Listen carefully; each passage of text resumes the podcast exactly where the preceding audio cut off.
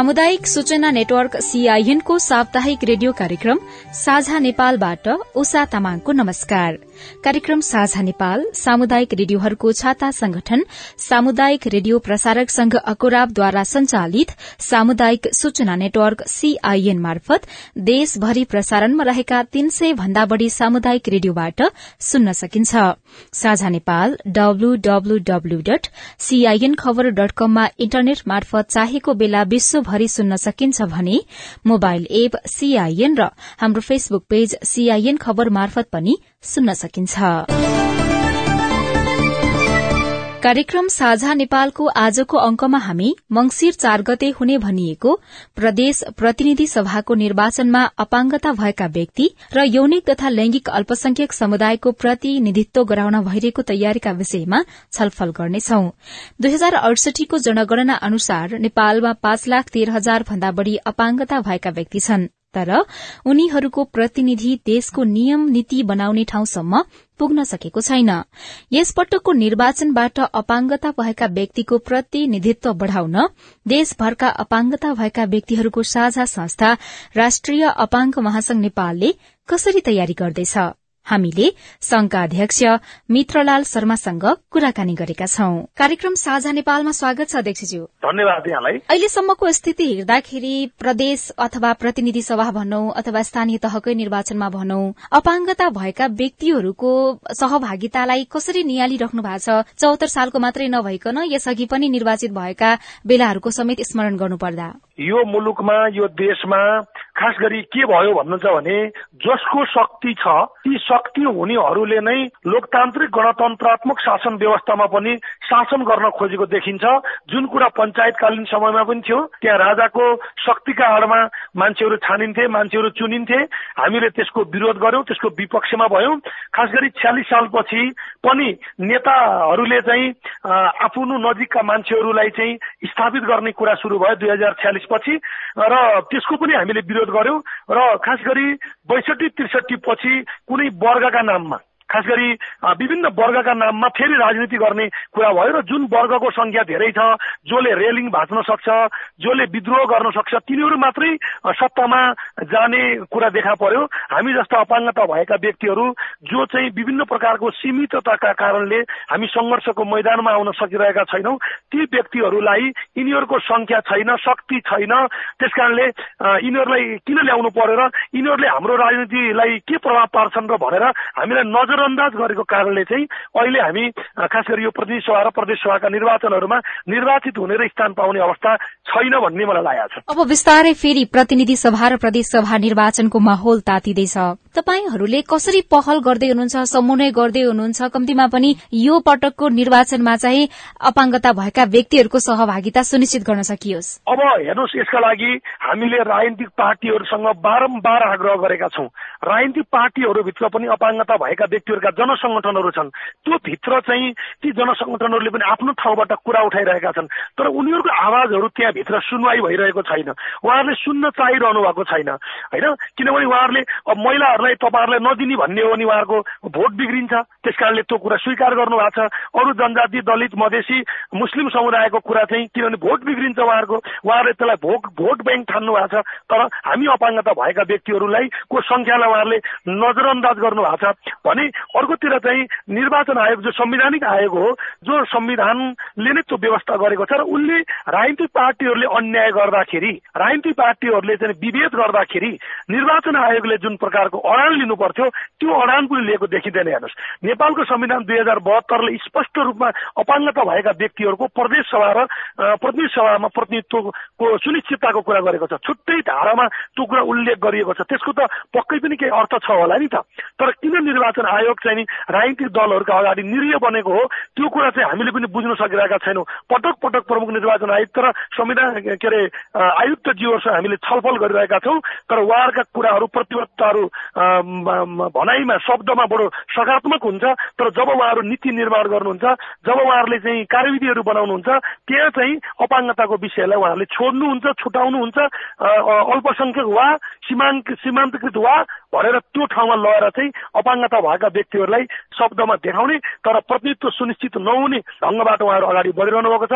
त्यस कारणले हामीले निरन्तर रूपमा हिजो अस्तिदेखि पनि हामीले निरन्तर निर्वाचन आयोगमा चाहिँ धर्ना बस्ने उहाँहरूको ध्यान आकर्षण गराउने उहाँहरूसँग अन्तर्क्रिया गर्ने काम चाहिँ हामीले निरन्तर गरिरहेका छौँ र त्यो राजनीतिक पार्टीहरूसँग पनि कायम राखेको कुरा म तपाईँलाई जानकारी गराउन चाहन्छु। तपाईँ प्रतिनिधिको रूपमा पनि हुनुहुन्छ। सिंगो देशभरका अपाङ्गता भएका व्यक्तिहरूको प्रतिनिधित्व पनि गर्नुहुन्छ। खास गरेर नीति निर्माण बनाउने तहसम्म अथवा बजेट विनियोजन गर्ने तहसम्म अपाङ्गता भएका व्यक्तिहरूको पहुँच नहुँदा अथवा प्रतिनिधि नपुग्दाखेरि चाहिँ तपाईँहरूले भोग्नु परेको मुख्य मुख्य समस्याहरू चाहिँ के के छन्? हामीलाई चाहिएको एउटा कुरा हुन्छ। हाम्रो आवश्यकता एउटा कुरा हुन्छ। अर्कै आवश्यकतामा काम हुन्छ। तपाईँलाई उदाहरणको लागि मैले भनौँ। स्थानीय तहमा तपाईँको एउटा उदाहरण दिन चाहन्छु। त्यहाँ चाहिँ उहाँहरूले के बुझ्नु भएको छ भने अपाङ्गता भएका व्यक्तिलाई व्हिल चेयर चाहिन्छ भन्ने बुझ्नु भएको छ। तर त्यो व्हिल चेयर भनेको मेडिकल युजलाई हुने व्हिल चेयर हुन्छ भित्र बाहिर गर्ने छुट्टै व्हिल चेयर हुन्छ अर्को एउटा रफ राइडर व्हिल चेयर भन्ने हुन्छ त्यो ग्राभल बाटोदेखि लिएर सबै ठाउँमा कुद्न सक्ने रफ राइडर व्हिल चेयर हुन्छ त्यो कुरा उहाँलाई थाहा छैन। उहाँले के गरिरहनु भएको छ भने अपाङ्गता भएको व्यक्तिलाई व्हिल चेयर दिएपछि हुन्छ भनेपछि उहाँले के गर्नु भएको छ भने तपाईँको मेडिकल व्हिल चेयर चाहिँ लगेर बाँड्नु भएको छ वितरण गर्नु भएको छ उदाहरणको कुरा। अनि अर्को कुरा जस्तो अपाङ्गता भएको व्यक्तिलाई त छात्रवृत्ति चाहिएको छ स्कुल पढाउनु पर्ने छ उनीहरूलाई उपचार गर्नुपर्ने तपाईँको पचास हजार एक लाखमा चाहिँ कतिपय मान्छेको चाहिँ दिशा गरेर जान नसक्ने मान्छे आफै जान नसक्ने मान्छे नयाँ जिन्दगी पाउन सक्छ। त्यहाँ बजेट विनियोजन छैन। उहाँले अपाङ्गता भएको व्यक्तिलाई बजेट विनियोजन गर्नुपर्छ भन्ने केही कुरा बुझ्नु भएको छ तर उहाँले त्यो बजेट केमा बाँड्नुहुन्छ भन्दा छाता किनेर बाँडिदिनुहुन्छ जुत्ता किनेर बाँडिदिनुहुन्छ। त्यो चिजले त अपाङ्गता भएको व्यक्तिको जीवनमा परिवर्तन आउँदैन नि त। होइन तपाईँको अर्को कुरा तपाईँले मैले एउटा भनौँ जस्तो यहाँले के अप्ठ्यारो परेको छ भन्नुभयो नेपालको संविधान दुई हजार बहत्तरले अपाङ्गता भएका व्यक्तिहरूको प्रतिनिधि सभा र प्रतिनिधि सभामा प्रतिनिधित्व सुनिश्चित गर्ने कुरा लेखाएको छ हेर्नुहोस् त्यहाँ है? अब तर चाहिँ त्यो ऐन बन्दाखेरि त्यहाँ हामी भएनौँ निर्वाचन ऐन बन्दाखेरि हामी भएनौँ त्यस कारणले उहाँहरूले जो जो बस्नु भएको थियो उहाँहरूले आफूलाई अनुकूल हुने गरी बनाउनु हो अपाङ्गता भएको व्यक्ति त्यहाँ थिएनन्। त्यो मुद्दा उहाँहरूले सम्झिनु पर्नु भएन। मान्य सांसदहरूले त्यति बेला राजनीतिक पार्टीका नेताहरूले भनेपछि हाम्रो प्रतिनिधित्व नहुँदाखेरि हामीलाई चाहिएको कुरा हामीले प्राप्त गर्न सकिरहेको छैनौँ। हाम्रो प्रतिनिधित्वको कुरा हुन सकिरहेको छैन। हाम्रो आवाजहरू चाहिँ जुन ठाउँमा उठ्नु पर्थ्यो त्यो ठाउँमा हामीले उठाउन सकिरहेका छैनौँ। त्यसले गर्दाखेरि अपाङ्गता भएका व्यक्तिहरू शिक्षाबाट वञ्चित छन्। तपाईँलाई मैले एउटा मात्रै कुरा भनौँ अहिले सबैका लागि शिक्षा कार्यक्रम दुई हजार पन्ध्रसम्म हामीले पुरा गर्ने सबैका लागि शिक्षा भन्ने थियो नि। त्यो किन असफल भयो? आज को विद्यार्थी बाहिर छ त? भन्दा अपाङ्गता भएका बालबालिका बाहिर छन्। ती व्यक्तिलाई कसरी भित्र ल्याउने भन्ने कुराको विषयमा हामीसँग जुन ज्ञान छ नि त्यो जुन ज्ञान जुन तरिका हामीले बुझेका छौँ त्यो कुरा चाहिँ हामीले त्यहाँभित्र सेयरिङ गर्न पाएनौँ। यदि त्यो कुरा त्यहाँभित्रै हामी भएको भए त हामीले त्यो कुरा त्यहाँभित्र उठाउँथ्यौँ नि त अपाङ्गता भएका बालबालिकालाई कसरी स्कुलभित्र ल्याउने हो भन्ने कुरा त त्यो प्लानिङ त हामीसँग छ नि त। तर जो जोसँग योजना छैन उहाँहरू बसेर छलफल गर्नुभएको छ। त्यसले गर्दाखेरि त्यो नारा पनि साकार हुन सकेको छैन हेर्नुहोस्। त्यस कारणले यी आधारभूत आवश्यकताहरूबाट अपाङ्गता भएका व्यक्तिहरू चाहिँ वञ्चित भएका छन्। यसको अर्थ के होइन भने राज्यले लगानी नै गरेन त यो क्षेत्रमा भन्ने प्रश्न उठ्ला। त्यो पर्याप्त छैन एउटा कुरा हो तर राज्यले लगानी नै नगरेको भन्ने कुरा होइन। लगानी गरे अनुसारको प्रतिफल किन आउन सकेन भने त्यहाँ जो व्यक्तिले त्यो भोगेको छ जो व्यक्तिसँग त्यो ज्ञान छ जो व्यक्तिले त्यो कार्यान्वयन गर्नुपर्छ त्यो व्यक्तिलाई पन्छाएर चाहिँ गर्न खोज्दाखेरि राज्यको स्रोत र साधनको दुरुपयोग भएको छ। अपाङ्गता भएका व्यक्तिहरूले त्यसबाट लिनुपर्ने प्रतिफल प्राप्त गर्न सकेको अवस्था छैन। अपाङ्गताको पनि विभिन्न प्रकारहरू हुन्छन् होइन? तर पनि अब यति धेरै समस्या हुँदा हुँदै पनि सबै समस्या सरकारलाई या फेरि राजनैतिक दललाई थाहा नभएको पनि होइन। फेरि पनि अपाङ्गता भएका व्यक्ति प्रतिनिधिको रूपमा किन निर्वाचित हुन सकिरहेका छैनन्? अपाङ्गता भएका व्यक्तिहरूमाथि उहाँहरूले पहिलो कुरा त अपाङ्गता भएका व्यक्तिहरूको संख्या हाम्रा लागि निर्णायक हुन्छ भन्ने उहाँहरूलाई लागेको छैन। होइन? यो ठिकै हो। यो यसले केही अर्थ राख्दैन। हामीलाई हराउने जिताउने कुरामा यसको कुनै अर्थ रहन्न भन्ने उहाँहरूलाई जस्तो भन्नुहोस्। महिलाको इस्यु उहाँहरूले उछुनु पछुनु गरेर किन उठाउनुहुन्छ? भन्दा महिलाको सङ्ख्या गाउनु पर्छ छ नि त। तर अपाङ्गता भएका व्यक्तिहरूको सङ्ख्यालाई उहाँले महत्व दिनुभएको छैन। त्यो कारणले चाहिँ नि हाम्रो प्रतिनिधित्व सहभागिता हुन सकेको हो। एउटा कुरा। अर्को कुरा उहाँहरूले के बुझ्नु भएको छ भने अपाङ्गता भएका व्यक्तिलाई चाहिँ दाल भात तरकारी रोटी भत्ता चाहिएको हो सामाजिक सुरक्षा भत्ता चाहिएको हो उहाँहरूलाई व्हिलचेयर चाहिएको हो के अपाङ्गता भएका व्यक्तिहरूले पनि राजनीतिमा आउन सक्छन् र भन्ने कुराको उहाँहरूमासँग प्रश्न छ। उहाँहरूले के बुझ्नु भएको छैन भने अपाङ्गता भएका व्यक्तिहरू पनि सँग सरकै मान्छे हुन्। त्यस कारणले हामीसँग जति क्षमता छ त्यो खालको क्षमता उहाँहरूसँग पनि छ। उहाँहरू पनि नागरिक नै हो। त्यस कारणले उहाँहरूले पनि हाम्रो राजनीतिक पार्टीभित्र योगदान गर्न सक्नुहुन्छ वा संसदभित्र वा स्थानीय तहमा योगदान गर्न सक्नुहुन्छ भन्ने बुझाइ उहाँहरूसँग छैन। त्यो कारणले चाहिँ नि यी सबै कुराहरू हुन नसकेको हो प्रतिनिधित्व हुन नसकेको भन्ने मलाई लाग्छ। तेस्रो कुरा भनेको के हो भने अहिलेको अपाङ्गताको क्षेत्र जुन जगत छ त्यो नेताको वरिपरि पुग्न सकेका छैन। किन उहाँहरू चिन्नुहुन्न होइन? किन किन उहाँहरूको नजर परेको छैन क्या उहाँहरूले उहाँहरूले त्यसलाई सेलिब्रेटी ठान्नु भएको छैन। किनभने अब चुनाव जित्नु त सेलिब्रेटी पनि चाहिन्छ। अलिक नेताको नजिक पनि हुनुपर्छ होइन? त्यस कारणले त्यो सेलिब्रेटी पनि नभए हुनाले पनि हो। तर म तपाईँले कुरा के राख्न चाहन्छु भने यो आम आदरणीय श्रोताहरूलाई के भ्रम नपरोस् भने यो मान्छे चाहिँ वा राष्ट्रिय अपाङ्ग महासङ्घ वा यसको अध्यक्ष चाहिँ यो के अरे राजनीतिक पार्टी विरोधी हो कि भन्ने लाग्ला। त्यो हुँदै होइन। यो मुलुकको परिवर्तन फेरि राजनीतिक पार्टीहरूले नै गर्ने हो। राजनीतिक पार्टीभित्र रहेको विकृतिको मात्रै कुरा गरे हो विसङ्गतिको मात्रै कुरा गरे हो र राजनीतिक पार्टीको विकल्प चाहिँ हुन सक्दैन। बहुदलीय शासन पद्धति प्रणालीभित्र राजनीतिक पार्टीहरू नै बलियो हो राजनीतिक पार्टीहरूलाई नै सुधार गर्ने हो राजनीतिक नेताहरूलाई नै सुधार गर्ने हो त्यसको विकल्प चाहिँ अरू केही हुन सक्दैन। किनभने त्यो देशलाई डाइरेक्सन गर्ने देशलाई दिशानिर्देश गर्ने काम चाहिँ राजनीतिक पार्टीले नै गर्ने हो भन्ने कुरामा म फेरि त्योबाट म विचलित छैन। यो कुरा चाहिँ राख्न चाहन्छु। अब फेरि चुनाव त आयो। पाँच वर्ष त बिति नै सक्यो। दुई हजार उनासीको चुनाव नजिकै समग्रमा भन्नु पर्दाखेरि अब राष्ट्रिय अपाङ्ग महासंघको तर्फबाट कम्तीमा पनि यो चुनावबाट चाहिँ हाम्रो प्रतिनिधिलाई जसरी पनि जिताउनुपर्छ अथवा जसरी पनि उम्मेद्वारमा पार्नुपर्छ उम्मेद्वारमा परिसके पछाडि जसरी पनि जिताउनुपर्छ भन्ने खालको अठोट त पक्कै लिएको होला। त्यसो भए तपाईँहरूको तयारीहरू चाहिँ के के छन्? पहिलो कुरा त हाम्रा लागि ढोका बन्द गरिएको छ। होइन हामी भित्रै पस्न नपाइसकेपछि त त्यहाँ बस्ने खुट्टा पसार्ने सुत्ने भन्ने कुरो त हुँदै भएन। त्यस कारणले अहिले हामी के गर्दैछौँ भने हाम्रा निम्ति बन्द गरिएको ढोका खोल्ने कुरा गर्दैछौँ। त्यो ढोकाको साँचो निर्वाचन आयोगले लिएर बसेको छ। होइन? त्यस कारणले हामीले निर्वाचन आयोगलाई त्यो हामीलाई बन्द गरेको ढोका खोलिदेऊ तिमीसँग साँचो छ भनेर हामीले चाहिँ निर्वाचन आयोगलाई त्यो विषयमा कुरा गरिरहेछौँ बन्द गरेको ढोका भन्नाले? बन्द गरेको ढोका भन्नाले जस्तो अहिले जुन यो अपाङ्गता भएका व्यक्तिहरूको लागि छुट्टै क्लस्टरको कुरा होइन? अनि अपाङ्गता भएका व्यक्तिहरूलाई बन्द सूचीमा यसो राखेर देखाउने तर चाहिँ तिनीहरूलाई निर्वाचित गर्न नपर्ने जुन अवस्था छ नि अहिले त्यो त चौहत्तरमा पनि बन्द सूचीमा केही अपाङ्गता भएका साथीहरू त पर्नु भएको थियो राजनीतिक पार्टीले राखेका थिए तर त्यो निर्वाचित हुने अवस्था थिएन। त्यस कारणले अहिले बन्द सूचीमा राखेर हामीलाई देखाउने मात्रै होइन। के गर्ने भने त्यो हामी निर्वाचित नै हुने कुराको सुनिश्चितता गर। गर्ने खालको विधि बनाइदेऊ कानुन बनाइदेऊ कार्यविधि बनाइदेऊ भनेर अहिले हामी निर्वाचन आयोगसँग त्यो बारेमा छलफल गर्दैछौँ। त्यसो गर्न सकियो भने ढोका खुल्छ। हामीले प्राप्त गरेको सूचना के हो भने त्यसको अपडेट मैले अझै लिन बाँकी छ। हिजो चाहिँ कै मात्रै कुरा गर्दाखेरि उहाँहरू अहिले केही परिवर्तन गर्न सुधार गर्न चाहिँ तयार हुनुभएको छ। त्यसको निम्ति हामीले पनि त्यहाँ बारम्बार लबिङ गर्ने धर्ना बस्ने गरिसकेपछि उहाँहरू अहिले केही सकारात्मक हुनुभएको आवास हामीलाई मिलेको छ तर अहिले हामी आश्वस्त भइहाल्ने स्थिति छैन। एउटा कुरा यो त्यसपछिको जब निर्वाचन आयोगले त्यो ढोका खोल्छ ढोका खोलिसकेपछि फेरि अब चाहिँ राजनीतिक पार्टीहरूको जिम्मामा त्यो काम आउँछ र त्यहाँ पनि हामीले राजनीतिक पार्टीहरूसँग पनि अपाङ्गता भएका व्यक्तिहरूलाई सूचीमा समावेश गर्नको निम्ति उम्मेद्वार बनाउनका निम्ति हामी लबिङ गर्छौँ त्यो अहिले पनि लबिङ गरिरहेका छौँ र त्यसलाई हामी निरन्तर दिन्छौँ। जब उहाँहरूले उम्मेदवारी प्राप्त गर्नुहुन्छ त्यसपछि फेरि अपाङ्गता भएका व्यक्तिहरूलाई निर्वाचित गर्नको निम्ति उहाँहरूलाई गर्नुपर्ने उम्मेद्वारहरूलाई गर्नुपर्ने आवश्यक सहयोगहरू सरसल्लाहहरू प्राविधिक सपोर्टहरू गर्ने कुरा चाहिँ राष्ट्रिय अपाङ्ग महासंघले अगाडि बढाउँछ। अपाङ्गता भएका जति पनि व्यक्तिहरू हुनुहुन्छ सबैलाई त नभनौ तर धेरैजनालाई त कुनै न कुनै राजनैतिक दलमा आस्था पक्कै होला। त्यसो भए सम्बन्धित व्यक्तिहरूले अथवा समग्र रूपमै जाने हो कि राजनैतिक दलहरूलाई झकझक्याउने कुरामा चाहिँ कसरी अघि बढ्दै हुनुहुन्छ तपाईँहरू? अब एउटा कुरा के छ भने अब यो राजनीतिक पार्टीहरूलाई झकझगाउने कुरा चाहिँ राजनीतिक पार्टीका जनसङ्गठनहरूको अझै बढी महत्वपूर्ण भूमिका रहन्छ। तर पनि राष्ट्रिय अपाङ्ग महासंघ नेपाल के मान्यता राख्दछ भने अपाङ्गता भएका व्यक्तिहरूको राजनीतिक प्रतिनिधित्व सहभागिता सुनिश्चित हुनुपर्छ भन्ने मान्यता राख्छ।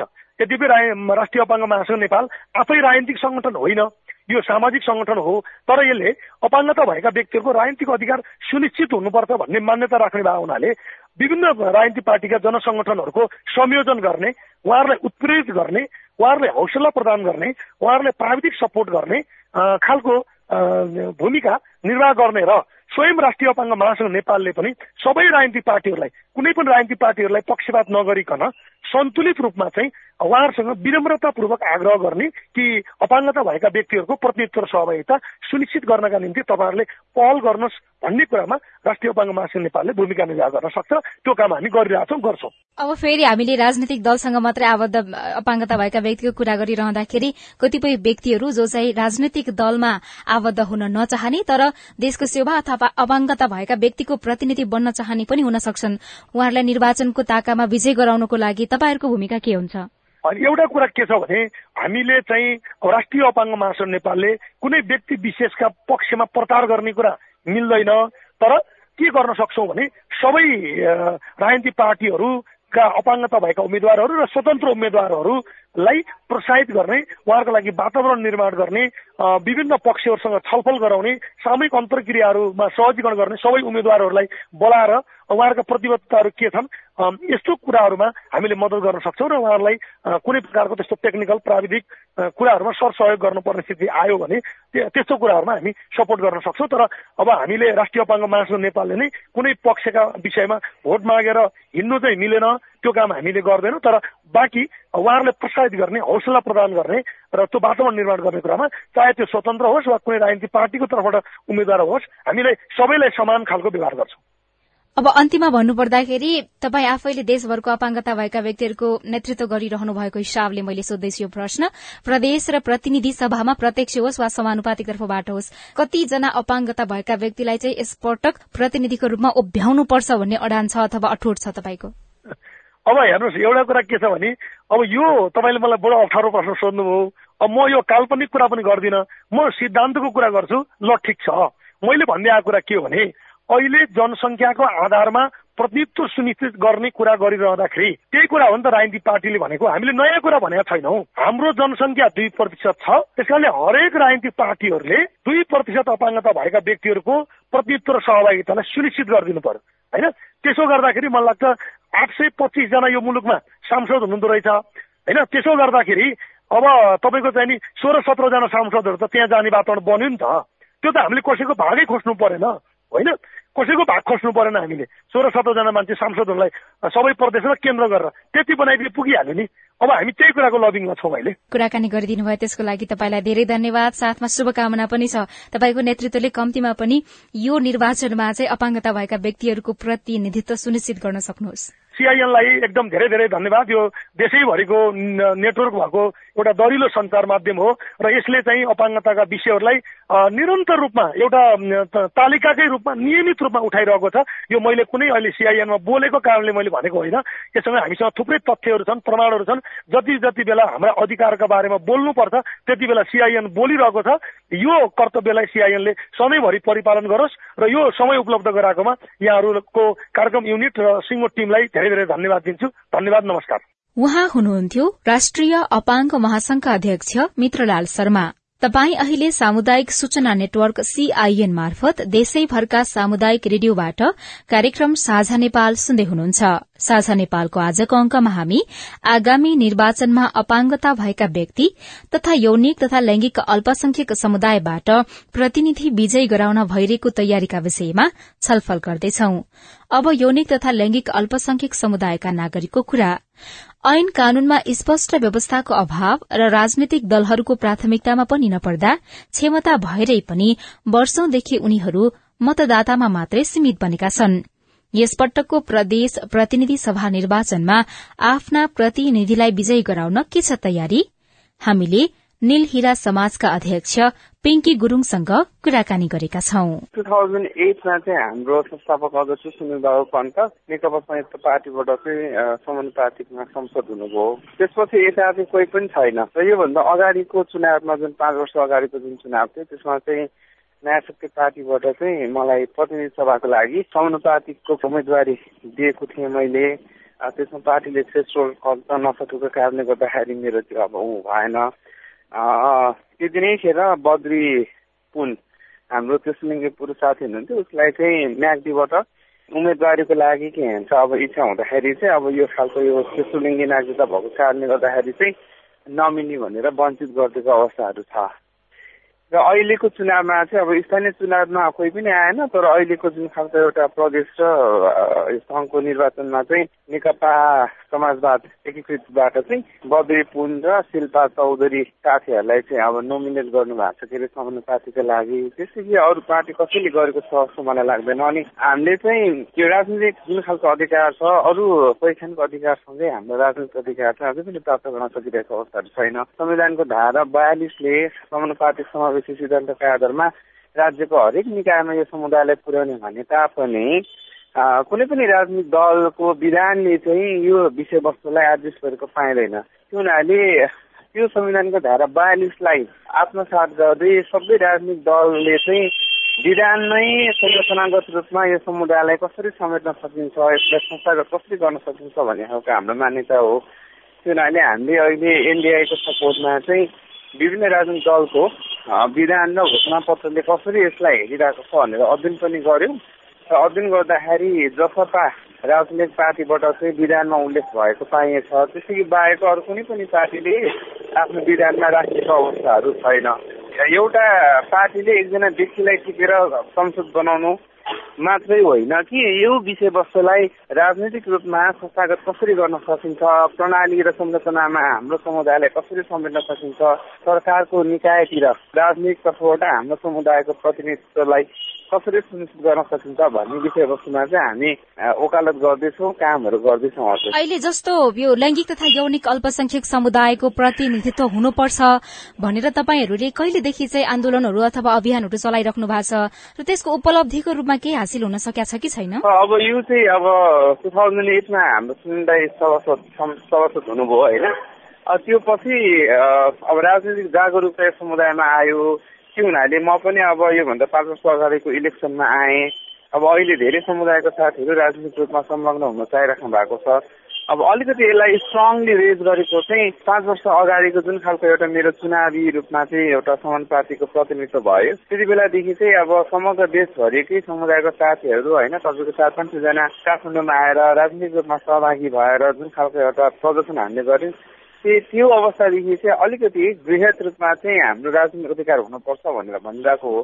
तर नीतिगत रूपमा राजनीतिक जुन खालको एउटा आरक्षणको रूपमा चाहिँ यसलाई कसरी संरक्षण गर्न सकिन्छ भन्ने खालको कुरा चाहिँ अहिले के भन्छ अझै पनि त्यो हुन सकिन सकिरहेको छैन। त्यो हुनाले हामीले चाहिँ अहिले यो विगत तपाईँको एक वर्षदेखि चाहिँ स्ट्रङली लबी गरिरहेको अवस्थाहरू चाहिँ छ। अब दलले उम्मेद्वार बनाउन चाह्यो भने यदि उम्मेद्वार बन्न अथवा प्रतिनिधिको रूपमा जानको लागि चाहिँ कति मान्छेहरू अथवा कति व्यक्तिहरू चाहिँ तयार अवस्थामा छन् भन्ने कुरा केही छ तपाईँहरूसँग? सामुदायिक रूपमा चाहिँ राजनीतिक रूपमा क्षमता अभिवृद्धि गर्दै लैजानु पर्ने हाम्रो आवश्यकताहरू छ। एक त हामी अल्पसङ्ख्यक समुदायमा पर्यौँ त्यसदेखि बाहेक शिक्षा स्वास्थ्य र विभिन्न क्षेत्रबाट बहिष्कृत भएको समुदाय हो त्यो हुनाले त्यसलाई क्यापेसिटी इन्हान्स गरेर पोलिटिकल इन्भल्भ कसरी गर्न सक्छ सकिन्छ अथवा क्यापेबल ह्युमन रिसोर्सहरू हामीले डेभलप गर्नुपर्ने चाहिँ आजको आवश्यकताहरू छ। हामीले कुराहरू उठाइरहेका छौँ तर प्रशस्त मात्रामा यो समुदायबाट राजनीतिक रूपमा अब अलिकति के भन्छ पोख्त भएका होइन अलिकति जानेका बुझेका व्यक्तिहरू चाहिँ के भन्छ अझै पनि त्यो अगावै छ। त्यसलाई चाहिँ अब पोलिटिकल्ली यो समुदायलाई चाहिँ राजनीतिक रूपमा चाहिँ अब अवेर गराउने अपडेट गराउने होइन यो राजनीतिक मुद्दाहरूको बारेमा चाहिँ उहाँहरूले क्षमतावान बनाउँदै लैजाने त्यो पनि अभियान हो हाम्रो त्यो हुनाले अब यो राजनीतिक रूपमा चाहिँ कसरी सचेत गराउन सकिन्छ कसरी क्षमतावान बनाउन सकिन्छ समुदायलाई कसरी राजनीतिक मुद्दाहरूको बारेमा हामीले संवेदनशील बनाउने र अथवा यसमा इच्छा कसरी के जगाउने भन्ने खालको कुरा पनि एउटा चुनौतीपूर्ण विषयवस्तु चाहिँ रहेको चाहिँ छ। नेपालको संविधानको धारा बयालिसलाई मात्रै कार्यान्वयन गर्ने हो भने पनि धेरैजना चाहिँ निर्वाचित हुनुपर्ने स्थिति बन्थ्यो होला होइन? त्यसो हुँदाखेरि चाहिँ यही हकलाई चाहिँ कार्यान्वयन गराउनको लागि तपाईँहरूले अहिलेसम्म गर्नुभएको प्रयास चाहिँ के छ? अब हामीले विभिन्न राजनीतिक फोरमहरूमा मुद्दाहरू उठाउँछौँ। अब यो जुन खालको एउटा अघि नै मैले भने विभिन्न राजनीतिक दलको विधान र हामीले घोषणा पत्रहरू के भन्छ अब अध्ययन गर्यौँ होइन? त्यसबाट एउटा जिस एउटा के भन्छ तपाईँको एउटा भनौँ न साइन्टिफिक एउटा इभिडेन्सहरू आउँछ। त्यसको आधारमा हामीले वकालत गर्ने एडभोकेसी गर्ने अथवा यसलाई रेस गर्ने एउटा के भन्छ हामीसँग खाका तयार हुन्छ। अनि त्यो त्यो खाकाको आधारमा हाम्रो स्ट्राटेजी तय हुन्छ त्यसको आधारमा हामीले आफ्नो के भन्छ विकासको माग गर्दै जान्छौँ। विभिन्न सरकारी स्तरको भनौँ अथवा राजनीतिक दलको स्तरमा जुन सभा सम्मेलनहरू हुन्छ त्यो विषयवस्तु त्यतिखेरको अवस्थामा पनि हामीले चाहिँ मुद्दाहरू उठाउने गर्छौँ र हाम्रो जुन खालको एजेन्डाहरू छ त्यो एजेन्डा खालि बिरामी सोसाइटीको अथवा एलजिबिटी समुदायको मात्र होइन कि यो आम जनमानसको सरोकारको विषयवस्तु बन्न जरुरी छ यो राजनीतिक दलको विषयवस्तु बन्न जरुरी छ यो राजनीतिक नेताको के भन्छ विषयवस्तु बन्न जरुरी छ। प्रदेश प्रतिनिधि सभामा यदि लैंगिक तथा यौनिक अल्पसंख्यक समुदायको प्रतिनिधि पुग्यो भने मात्रै पनि तपाईँहरूलाई आश चाहिँ के के छ? के के कुराहरूमा चाहिँ सुधार हुन्थ्यो होला? अथवा तपाईँहरूले के के कुरामा चाहिँ संघर्ष गर्नु पर्थेन होला? अनि हाम्रो यस्तो छ जुन खालको एउटा विभिन्न खालको अहिले मानिनेजी हुनुहुन्छ हाम्रो सिङ्गेस सभातिर भनौँ अथवा सङ्घीय सभातिर होइन हाम्रो संसदजीहरूले चाहिँ जनताको प्रतिनिधि भनेर के भन्छ उहाँहरू जानुहुन्छ घर दैलोमा अनि भोट जितेर ल्याउनुहुन्छ र अब संसद भवनमा जनताको प्रतिनिधि गर्ने भन्नुहुन्छ। तर कहिले पनि के हुन्छ हामीले मार्जिनलाइज समुदायको विषयवस्तु चाहिँ उठान गरेको सुन्दैनौँ कि हामीले। र एउटा खालको एउटा पोलिटिकल्ली यो इस्युमा चाहिँ एकाउन्टेबिलिटी र रेस्पोन्सिबिलिटी भन्ने खालको कुरा चाहिँ अझै पनि ल्याकिङ भइरहेको अवस्थाहरू रह्यो। र हाम्रो समुदायबाट त्यहाँ रिप्रेजेन्ट हुँदाखेरि चाहिँ जस्तो मुद्दा उसको सरकार भने जस्तो अब त्यो सम्बन्धित समुदायको मुद्दा सम्बन्धित मान्छेहरूले धेरै चासोको विषयवस्तु हुन्छ ज्ञान हुन्छ यी विषयवस्तुमा पक्ष हुन्छ। नीतिगत परिवर्तन गर्नका लागि हामीले संसद भवनमा आवाज आवाज उठाउन सकिन्छ। र हाम्रो अधिकारका मुद्दाहरूले समर्थन जगाउनका लागि के भन्छ हामीले समर्थन जुटाउन सक्छौँ र आफ्नो मुद्दालाई होइन गहन रूपमा होइन प्रभावकारी ढङ्गबाट संसद भवनमा पेश गर्ने र नीतिगत परिवर्तन र यसको कार्यान्वयनको पक्षलाई हामीले अब्जर्भ गर्ने मोनिटर गर्ने अथवा यसको इम्प्लिमेन्टको बाटोमा हामीले स्ट्रेन्थ गर्दै लैजान सक्ने आधारहरू तय हुन सक्छ। कुनै पनि हाम्रो समुदायबाट संसद भवनमा प्रतिनिधित्व नहुँदाखेरि चाहिँ हाम्रो अधिकारका आवाजहरू चाहिँ अब आवाजविहीन बनिरहेको छ। भन्नाले त्यो विषयवस्तुलाई चाहिँ सशक्त ढङ्गबाट उठाउनको लागि र अलिकति यसलाई सार्थकता प्रदान गर्नको लागि चाहिँ हाम्रो प्रतिनिधित्वको आवाज संसद भवनमा हुन जरुरी छ। अब संक्षेपमा भन्नु पर्दाखेरि तपाईँहरूको तयारी के छ? जुन तयारीले चाहिँ प्रदेश प्रतिनिधि सभामा तपाईँहरूको प्रतिनिधित्व गराउनलाई सहयोग पुर्याउँछ? के छन् तयारीहरू? संविधानले दिएको अधिकार र राज्यले प्रदान गरेको अधिकार जुन पहिचान र अस्तित्वको अधिकार छ तीसँग जोडेर आएका अन्य अधिकारहरू हामीले प्राप्त गर्न सकिरहेको अवस्थाहरू छैन। जसमा चाहिँ हामीलाई अहिलेको अवस्थामा आवश्यकता परेको अधिकार भनेको राजनीतिक अधिकारको मुद्दा हो। र जसरी संविधानको धारा बयालिसले समानुपातिक समावेशी सिद्धान्तका आधारमा राज्यको हरेक निकायमा यो समुदायलाई पुर्याउने भने तापनि विभिन्न राजनीतिक दलले आफ्नो विधान र आफ्नो घोषणा पत्रमा यो विषयवस्तुलाई समावेश गरेको पाइँदैन। त्यो हुनाले यो समुदायलाई राजनीतिक रूपमा संस्थागत गर्नका लागि संरचनागत र राजनीतिक प्रणालीभित्र यो समुदायको प्रतिनिधित्व सुनिश्चित सुनिश्चित गर्नको लागि विधान नै संशोधन गरेर यो समुदायलाई एड्रेस गर्नुपर्ने आवश्यकता देख्छु। मैले आगामी दिनहरूमा राजनीतिक दलहरूले नेपालभरि रहेका सिद्धान्तकृत वर्गहरूमध्ये एलजिबिटाई समुदायलाई पनि छुट्नु चाहिँ बिर्सिनु भएन। र विधान र राजनीतिक दलको जुन खालको एउटा नीति अथवा समितिहरू छ त्यसभित्र चाहिँ यो समुदाय चाहिँ आउन जरुरी छ। अर्को भनेको दुईजना जो जति मनोनयनमा पर्नु भएको छ उहाँहरूलाई सहयोग गर्ने कुरा त भइ नै हाल्यो होइन? नेकपा समाजवाद पार्टीबाट दुईजना साथीहरू बद्रीकुण्ड शिल्प चौधरी समानुपातिको लागि मनोनित हुनुभएको छ। उहाँलाई चाहिँ हामीले संस्थाको तर्फबाट र सामुदायिक तर्फबाट सहयोग गर्ने हाम्रो के भन्छ प्रतिबद्धता छ र उहाँलाई जसरी हुन्छ जुन खालको एउटा संसद भवनतिर प्रतिनिधित्व गराउनको लागि हामी कटिबद्ध भएर लागि पर्ने हाम्रो योजनाहरू छ। उहाँ हुनुहुन्थ्यो निलहिरा समाजका अध्यक्ष पिङ्की गुरूङ। अब भने हामी कार्यक्रम साझा नेपालको अन्त्यमा आइपुगेका छौं। साझा नेपाल तपाईंलाई कस्तो लाग्यो? हाम्रो टेलिफोन नम्बर शून्य एक बान्न साठी छ चार छमा फोन गरेर आफ्नो जिज्ञासा सल्लाह सुझाव तथा प्रतिक्रिया रेकर्ड गर्न सक्नुहुन्छ। हवस् त। आउँदो साता आजकै समयमा फेरि रेडियो कार्यक्रम साझा नेपाल लिएर उपस्थित हुनेछौ। त्यतिन्जेलसम्मका लागि प्राविधिक साथी सुभाष पन्तलाई धन्यवाद दिँदै उषा तामाङ विदा हुन्छु। आउँदो साताको साझा नेपालमा फेरि भेटौंला। नमस्कार।